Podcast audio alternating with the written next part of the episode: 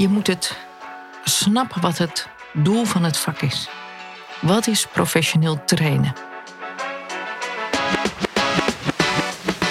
Welkom en leuk dat je luistert naar Lift Up, de podcast van Boertien voor Gouwen Overduin, waarin ik, Aleid Erbrink, met verschillende experts uit het veld de verdieping opzoek op actuele en relevante thema's. Lift Up. Stap in de lift en ga vandaag mee de diepte in op het mooie vak van trainer en wat er voor nodig is om dit vak te leren. We doen dit in gesprek met Hester Goedvolk, eigenaar van bureau Goedvolk in Training, gepassioneerd opleider van professionals, job- en gelukscoach, EMDR-practitioner en verdienstelijk dwarsfluitist. Hester, welkom. Wil je nog iets eh, aan deze korte introductie van jezelf toevoegen of bijstellen? Nou, ik vind het een prachtige intro. Uh, misschien dat ik uh, naast al dit mooie werk ook uh, met heel veel plezier partner en moeder ben. Niet onbelangrijk. Nee, zeker. Laten we de prioriteiten wel op zijn plek laten liggen. Heel goed. hey, we praten vandaag met elkaar over het vak van trainer en wat er voor nodig is om een goede trainer te worden. -hmm. Wat is voor jou eigenlijk een goede trainer? De deelnemer is de belangrijkste focus. De trainer is het instrument om de deelnemer te laten groeien. Nou, laten we daar eens even verder op induiken. En, en, en ik vind het leuk om dan te beginnen met hoe dat bij jou uh, is verlopen. Uh, kun je ons eens meenemen naar het eerste moment dat jij dacht: ja, trainer, dat Dit wil ik worden? Het. Ja, het was um, aan het einde van mijn studie psychologie. Daar heb ik de tra het trainersvak geleerd. En daar was een docent die dat mij zo prachtig leerde. En de manier waarop hij zijn vak verstond, in de groep zat, zichzelf kon zijn, waarde toe kon voegen, eerlijk was. Dat deed die man zo prachtig. Daar kreeg ik de liefde voor het vak. En wat merkte je daarin dan dat echt anders was dan je tot dat moment had ervaren? De, de, alles wat ik daarvoor ervaren was les krijgen. Gedoseerd worden kennis krijgen. En hier leerde je een vak, een vaardigheid. Je leerde over jezelf en hoe jij je als instrument kan inzetten om iets voor een ander te betekenen. En de manier waarop die man dat deed, met een plezier en een passie en een lol, ja, dat is fantastisch. Ja, dat is, heeft bij jou echt iets aangezet. Ja, en vanaf dat moment heb ik getraind, altijd. Studentengroepen, studentenbesturen, mentorengroepen of introductiecommissies. Vanaf dat moment sta ik voor de groep en is dit mijn vak. Ja, ja, ja. En misschien heeft het jou eigenlijk wel gevonden in plaats van andersom. Hè? Ja, ja, en nooit meer losgelaten. Jij werkt vanuit een aantal uh, uh, basisovertuigingen. Uh, kan je er misschien dus een paar met ons delen? Ik heb er vijf aan de hand waarvan ik mijn eigen functioneren controleer. Of de keuzes maak. Begint eenvoudig met begin with the end in mind. COVID. Ja, COVID. Heb altijd je doel voor ogen. Hou de structuur in de gaten, de rode draad. Weet welk, aan welk doel je werkt. Zodat mensen begrijpen of bereid zijn om met het onderwerp mee te gaan. Dus heb je doel voor ogen. Uh, vertellen is nog geen trainen. Oh, ik kan het... me voorstellen dat het voor veel mensen een verrassing is. Ja, en dat is ook het leuke als dat inzicht helder wordt. Dat vertellen geen trainen is. Uh, het is vanuit het boek van Stolovic. Uh, met de titel Vertellen is nog geen trainen. En daarin kan je heel mooi uh, laten zien dat alleen theorie aanbieden, uh, dat mensen daar niet van leren. Er is zoveel meer nodig. En continu reflecteer ik en kijk ik naar mezelf. Op het moment dat ik me hoor praten, zijn we nog aan het leren of ben ik aan het vertellen? Zoals in deze podcast misschien wat ongebruikelijke setting. Heel ongebruikelijk voor me om, om een kwartier te moeten praten. Dat doe je als trainer niet. Nee. Doe altijd iets met een vraag, anders dan direct beantwoorden. En in mijn overtuiging altijd. Okay. Omdat daarin het leren zit voor de deelnemer. Omdat daarin het denken zit. Omdat daarin het bewaken van het groepsproces zit. Dus dat is een ontzettend belangrijke. Ja, ik kan me voorstellen dat dat ook een ingewikkelde is. Want het is een beetje stimulus-respons, vraag-antwoord. Dat is het appel wat het doet. En dat is je natuurlijke reactie als trainer. Dus dit onderwerp bespreken met trainers.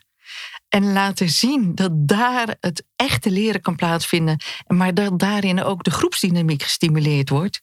Ja, dat is prachtig. Ja. Dus hij lijkt zo simpel. Nou, hij is rete ingewikkeld.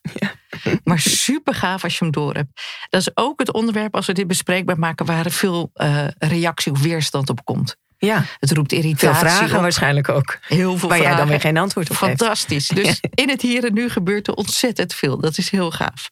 Ja. En de laatste twee overtuigingen, die vind ik zelf heel mooi om te kijken naar je rol als trainer. Niemand is een klier voor zijn plezier. Ook niet in een trainingsgroep. Ook niet bij veel weerstand, bij kritische vragen. Hmm. Want achter ieder negatief gedrag zit een positief leerverlangen. Mensen uiten eh, vragen, kritische vragen, omdat ze niet toekomen aan een leren of niet serieus genomen worden of het niet begrijpen. En als je dat kan zien als trainer, dan kan je daar de verdieping leggen. Ja, dat lijkt me ook wel een uitdaging. Want ik denk dat heel veel. Ja, dat wordt vaak zo benoemd ook. Hè. Weerstand vind ik sowieso een wat, wat beladen woord. Maar Mhm. als er wat negatievere reacties komen. of als iemand niet meegaat in dat wat je als trainer Mhm. bedacht had dat zou moeten gebeuren. kan dat ook wel voelen als een persoonlijk falen of een persoonlijke aantijging. eh, Ja. als dat eh, niet lukt. Zo kan die even voelen. Hij kan stress, spanning geven. En daarom is voor mij weerstand niet beladen. Het voelt even alsof je niet door kan met het verhaal waarmee je bezig bent. Je moet even aandacht geven aan dat wat er is. En op het moment dat ik kan zien dat er bij de ander een vraag of een verlangen is, of iets nodig is om met je mee te kunnen gaan, en je kan daar aandacht aan geven en oprechte interesse, dan verheldert het de communicatie. En kunnen we samen door met waar we voor zijn.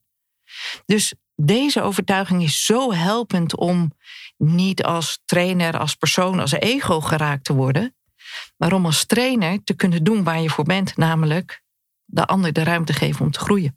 Ja, ja, dit lijkt me ook wel een belangrijk als je je ontwikkelt in dit vakgebied. Ja. En- die is spannend. Ja, ja. Die is spannend. want het gaat over jezelf. Ja, en dat is wat je in het vak echt te leren hebt als je trainer wordt. Ja. En vandaar mijn laatste overtuiging, helpende overtuiging, is: eh, je krijgt wat je geeft in gedrag. En dat maakt het super kwetsbaar, want alles wat niet lekker loopt in een groep, is aan mij te danken. Is ook van jou. Is van mij. Oké. Is ook van mij. alles wat lekker loopt, is ook van mij. Doe je ook iets in? Heb je aan bijgedragen? Dus daar waar een training minder lekker loopt, stel ik mezelf altijd achteraf de vraag: wat deed ik daarin? Of wat heb ik daar anders in te doen? Of wat had ik kunnen doen? Ja, en vind je dan ook vaak dat antwoord? Of Ik puzzel net zo lang tot ik een antwoord heb. en dan puzzel ik met mijn collega's. Ik heb een aantal collega's die ik achteraf altijd kan bellen. Dat ik spar, waar ik eerlijk naar durf te zijn, waar ik de situatie uitleg en waar we puzzelen. Maar ook intervisie met elkaar. Ja. Lezen. Ja, want ik kan, het, is, het lijkt mij ook een eenzaam vak. Want dan zie je, de trainers staan toch vaak in hun eentje voor een groep. Eh, dan moet je in het moment natuurlijk je keuzes maken. Ik kan me voorstellen dat eh, collegiale eh, overleggen Ja. wel heel prettig zijn. Ja, noodzakelijk. Het is inderdaad een eenzaam beroep. Toen ik begon in het vak, ik was 24, toen werd mij gezegd: dit vak doe je drie jaar en dan ben je opgebrand. Oh, wauw. Dat is een aanprijzing. Ik schrok. Ik dacht, dat kan niet. Want dit is mijn vak. Ik vind dit mooi. Ik weet niet wat ik anders wil. Kan, wil. En toen ben ik gaan onderzoeken. Wat is dan dit vak? Wat doen we dan? Waardoor het zo energievragend is. Wat zo vermoeiend is. Waarom je opgebrand kan zijn na drie jaar. En zo ben ik in het trainer-trainervak gerold. In het opleiden van opleiders. En ik ben gaan kijken. Wat is het wat je doet? Wat energie kost. Waar je energie kan sparen maar ook hoe je het leuk kan maken. Dus het is mijn vak om voor de groep te staan. En ja, daar sta je in zekere zin eh, in je eentje. Maar ik heb besluit genomen plezier te maken. Ik wil lol hebben met de groep. In een mate dat er ook nog wel geleerd wordt, dat er ook een afstand is, want ik ben geen onderdeel van de groep. Mhm. De eh, groep vormt met elkaar de groep.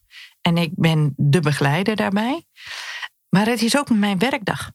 Dus ik wil er ook van genieten, plezier hebben. En aan het einde van de dag energie over hebben. Ja. En wat heb je gemerkt is daar dan het meest belangrijk in? Jezelf kunnen zijn en eerlijk zijn. En humor kunnen hebben. Om jezelf kunnen lachen. Ja, relativeren. Relativeren en uh, laat ze iemand ook stralend kunnen falen. Ja. ja. En in een trainer-trainer training kan dat heel mooi, want jouw falen is een voorbeeld voor de ander.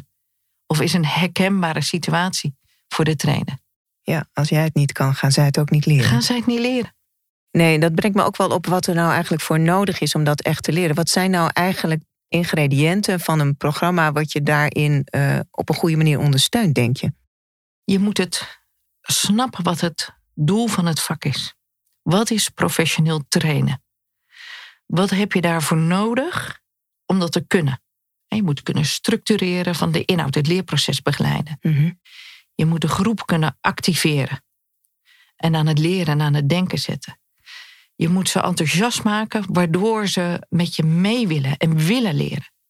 Veiligheid kunnen bieden, waardoor er in het groepsproces ook ruimte is om te experimenteren, om te durven, om te mhm. leren van elkaar. Dus je moet het vak verstaan, je moet weten hoe je een programma moet ontwikkelen, mhm.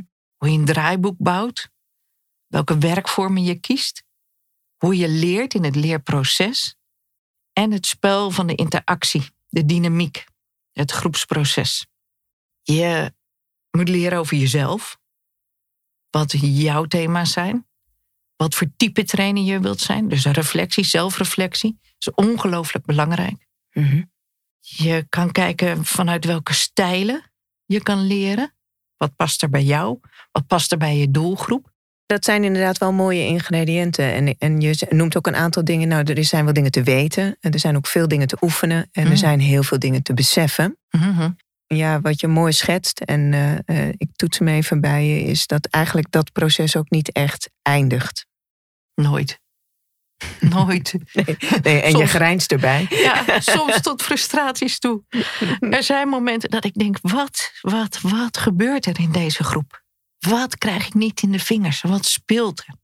Bij in-company trainingen ehm, eh, ben je ook deel van een organisatie. Daar spelen belangen. Daar spelen processen. Daar spelen relaties onderling. En soms voelt het ongemakkelijk als je niet kan aanvoelen wat er speelt. Of dat er geen echte openheid is. En dan blijf ik zoeken. Wat mis ik? Wat heb ik niet gezien? Waar had ik alerter op kunnen zijn? En soms is het ook dat ik denk, ik zit in een patroon, ik doe mijn ding. En ik zou een swing willen geven aan de werkvorm. Ik ben wel jaloers op acteurs die trainen. En die zo heerlijk speels en vrij zijn in de manier waarop ze werkvormen inzetten en mensen laten Uit hun leren. mouw schudden. Oh, Ja. heerlijk. Dus daar leer ik ook nog van. Ja. En in die samenwerking, acteur-trainer, en dan vragen: heb je een vorm om, om dit nog explicieter te laten leren? Nou, dat is fantastisch. Ja. Dat is heel mooi. Een vak wat je niet snel gaat vervelen, dat hoor ik wel. Nooit niet. Nee. Hey, we zijn alweer aan het einde gekomen van deze podcast. Ja, houd je vast, eh, want eh, de laatste ronde is er eentje van Rapid Fire. Ik ga een aantal stellingen aan je voorleggen en aan jou de vraag om daar eh, kort op te reageren. Vraag in de hoogste versnelling. Hester, jouw korte reactie. Wat moeten veel mensen afleren als ze trainer willen worden? Een ego centraal zetten. Nooit meer programma's ontwikkelen of nooit meer programma's uitvoeren? Nooit meer ontwikkelen. En wat is het mooiste compliment dat je ooit als trainer gekregen hebt? Wat was dit een leuke groep? Eh, waar zou jij het liefst de hele dag mee vullen als je moet kiezen uit muziek maken, EMDR begeleiden of een training geven? Trainen. Nou, Hes, wat is je grootste blunder in het vak ooit geweest? Ik weet niet, Aleid, of dat je kan blunderen in dit vak. Ik denk niet dat je kan blunderen als je in staat bent om één te lachen over dat wat je doet, maar ook eerlijk te zijn over dat wat je niet handig hebt gedaan. En dan is het geen blunder meer, maar dan is het een hele waardevolle ervaring. Ja, dan komen we weer in de hoek van het stralend falen. Stralend falen. Dit was Lift Up, waarin we ons dit keer verdiept hebben in het mooie vak van trainer en wat er voor nodig is om je dit eigen te maken. Hester, super fijn dat je wat van je kennis en je ervaring op dit vlak met ons hebt willen delen vandaag. Wil jij jouw kennis en vaardigheden met betrekking tot het trainersvak op een nog hoger plan brengen? Bekijk dan ons aanbod op de website. Bij Boer 10 Vergouwen Overduin helpen we je graag verder. Bedankt voor het luisteren. Lift Up.